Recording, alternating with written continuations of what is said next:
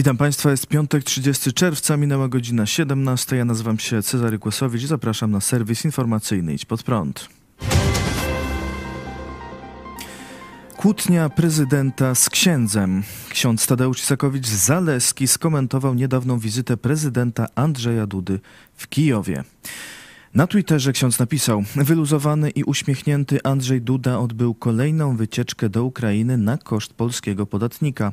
Jednak znów nie miał odwagi zapalić znicza i pomodlić się nad dołami śmierci, w których gniją kości dziesiątków tysięcy Polaków. Hipokryzja i tchórzostwo. O tę wypowiedź zapytano prezydenta dziś podczas wywiadu w Radiu Z. Andrzej Duda odpowiedział: ja bym mimo wszystko wolał, żeby ksiądz Isakowicz-Zaleski zajmował się tym, czym powinien zajmować się ksiądz. Wolałbym, żeby nie zajmował się polityką, tylko tym, czym powinien zajmować się ksiądz, stwierdził prezydent Duda i dodał: Nie prowadzimy polityki biegania z widłami, tylko politykę spokojnego szukania porozumienia w sprawach trudnych historycznie, które liczą sobie wiele dziesięcioleci, są bardzo skomplikowane, niezwykle bolesne dla istotnej grupy naszych rodaków. Są takie kraje, które bardzo by chciały, żeby wystąpił wybuch nienawiści między Polakami a Ukraińcami. Poważnym zadaniem władz, ale i ludzi w Polsce odpowiedzialnych za sprawy publiczne jest prowadzenie tych spraw tak, by one pomiędzy Polakami a Ukraińcami układały się na zasadach wzajemnego szacunku, zrozumienia, sprawiedliwości i szukania wspólnej przyszłości. Na te słowa zareagował ksiądz Isakowicz-Zaleski, który napisał na Twitterze – Słowa Andrzeja Dudy w Radiu Z przypominają czasy komuny, kiedy to dla aparatczyków PZPR wszystko było polityką, zwłaszcza pamięć o zbrodni katyńskiej dokonanej przez NKWD. Z kolei oskarżenia, latanie z widłami i podsycanie nienawiści obrazują tylko poziom jego zakłamania. O sporze między prezydentem i księdzem mówił dziś Wić pod prąd na żywo pastor Paweł Chojecki najgłupszym zdaniem, jakie Andrzej raczył wypowiedzieć, to było to, że ksiądz niech się nie zajmuje polityką. Nie? Ja znam takie przykazanie Stalina, bo on dał taki rozkaz, żeby księża, pastorzy nie zajmowali się polityką i to jest marzenie wszelkich komunistów, żeby odsunąć od życia społeczno-politycznego ludzi, którzy mają wpływ czy zajmują się ogólnie religią. Odpowiem tak. Andrzej, słuchaj i ucz się, nie? Bo ty się uczysz całe życie, to ucz się. Ale jest twardy. Znajdź mi przykazanie w Biblii, nie angażuj się w politykę. Andrzej, challenge dla ciebie.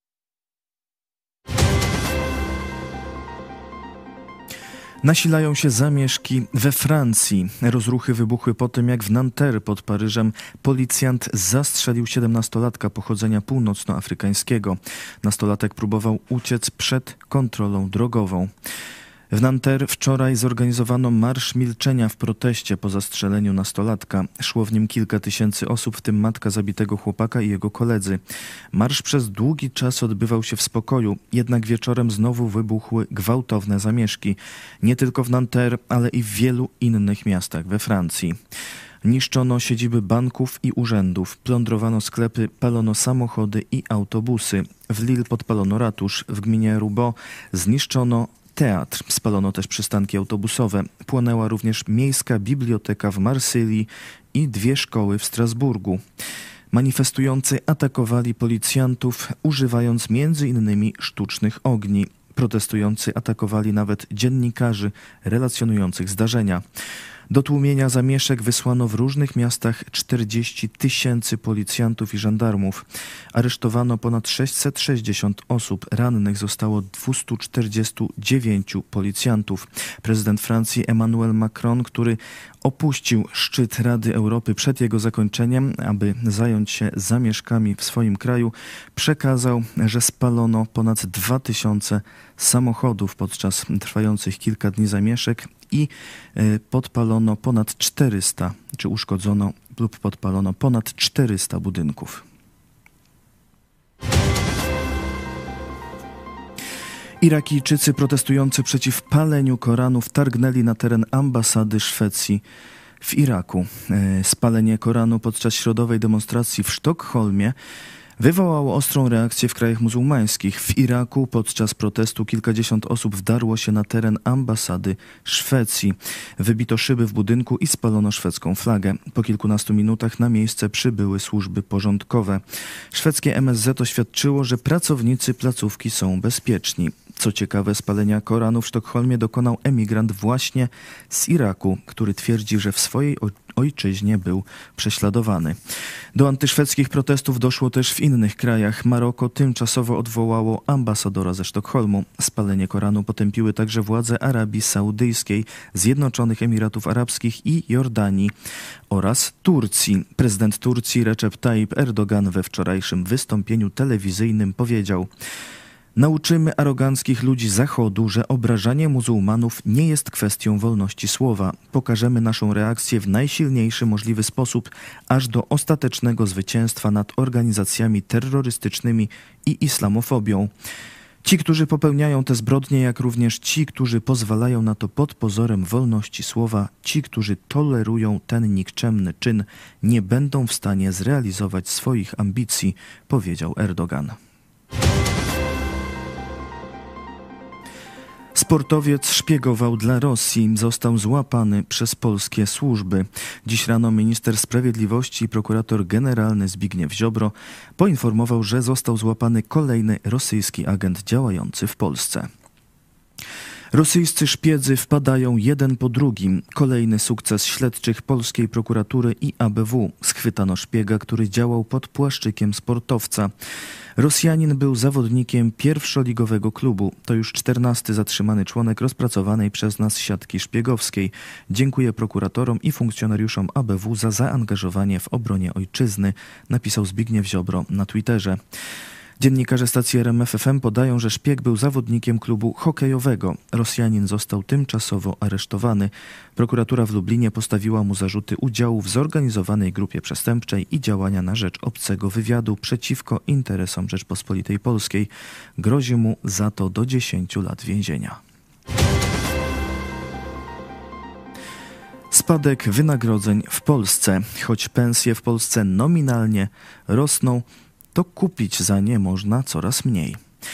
Główny Urząd Statystyczny podał, że średnia miesięczna płaca w gospodarce narodowej w pierwszym kwartale 2023 roku wyniosła 7124 zł i 26 groszy brutto i była wyższa o 14,3% niż rok wcześniej. Jednak jeśli weźmiemy, weźmiemy pod uwagę inflację, to okazuje się, że realnie płace są niższe niż przed rokiem, bo mniej można za nie kupić. Po uwzględnieniu inflacji wynagrodzenia są niższe o 2,1%. Są zarzuty za wybuch w lesie pod Radomiem. W poniedziałek w lesie w Wojsławicach pod Radomiem doszło do eksplozji. Pojawiły się podejrzenia, że to kolejna rosyjska rakieta wleciała do Polski. Jak się okazało, był to pocisk artyleryjski z czasów II wojny światowej. Jak ustalili śledczy, pocisk znalazło w lesie trzech mieszkańców Wojsławic, którzy postanowili go podpalić i nawet nagrali, jak oblewają pocisk łatwopalną substancją i podpalają. Płonący pocisk zostawili w lesie. Po jakimś czasie doszło do detonacji słyszalnej przez mieszkańców okolicznych miejscowości, którzy zawiadomili policję.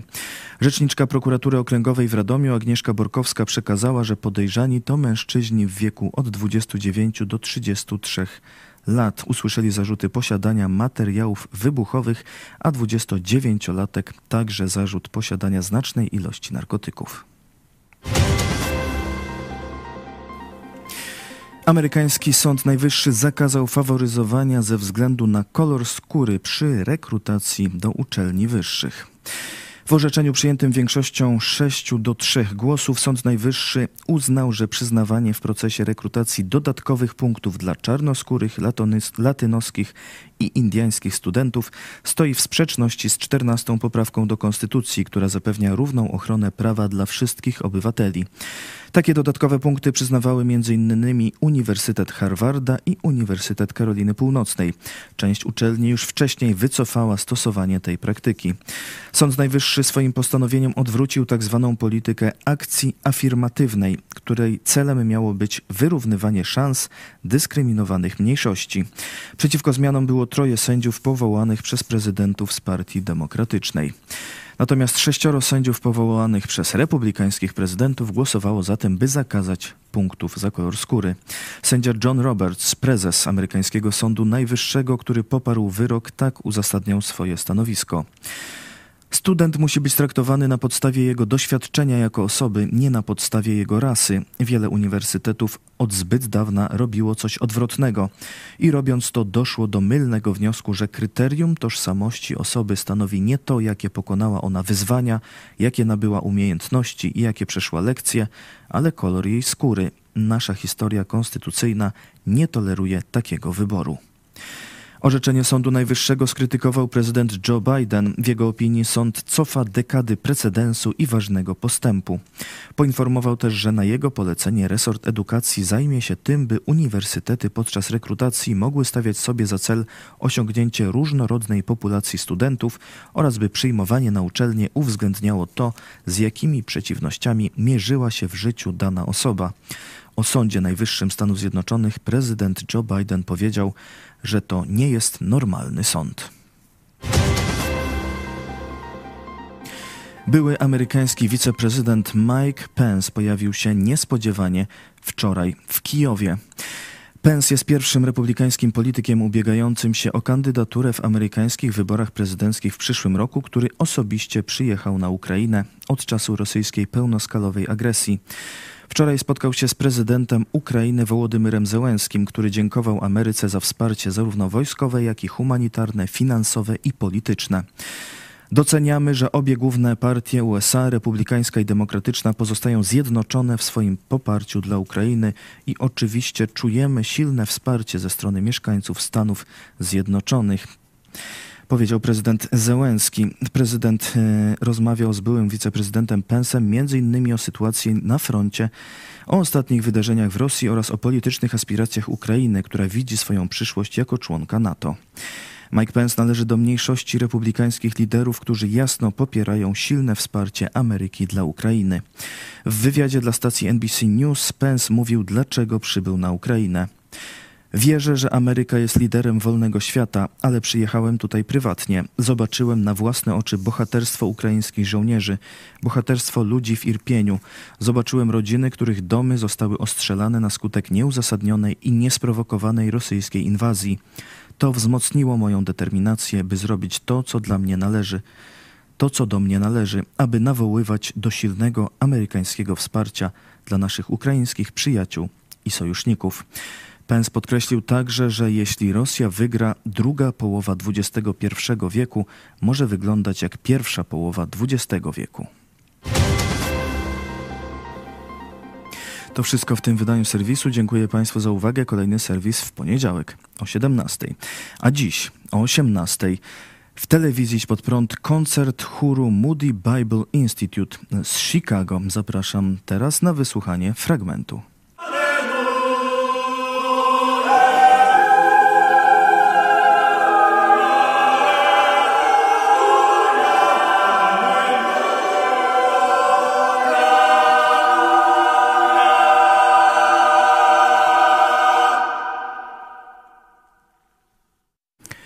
Cały koncert chóru Moody Bible Institute e, w Rzeszowie. Odbył się ten koncert już o 18 w telewizji pod prąd. Zapraszam serdecznie. Do zobaczenia.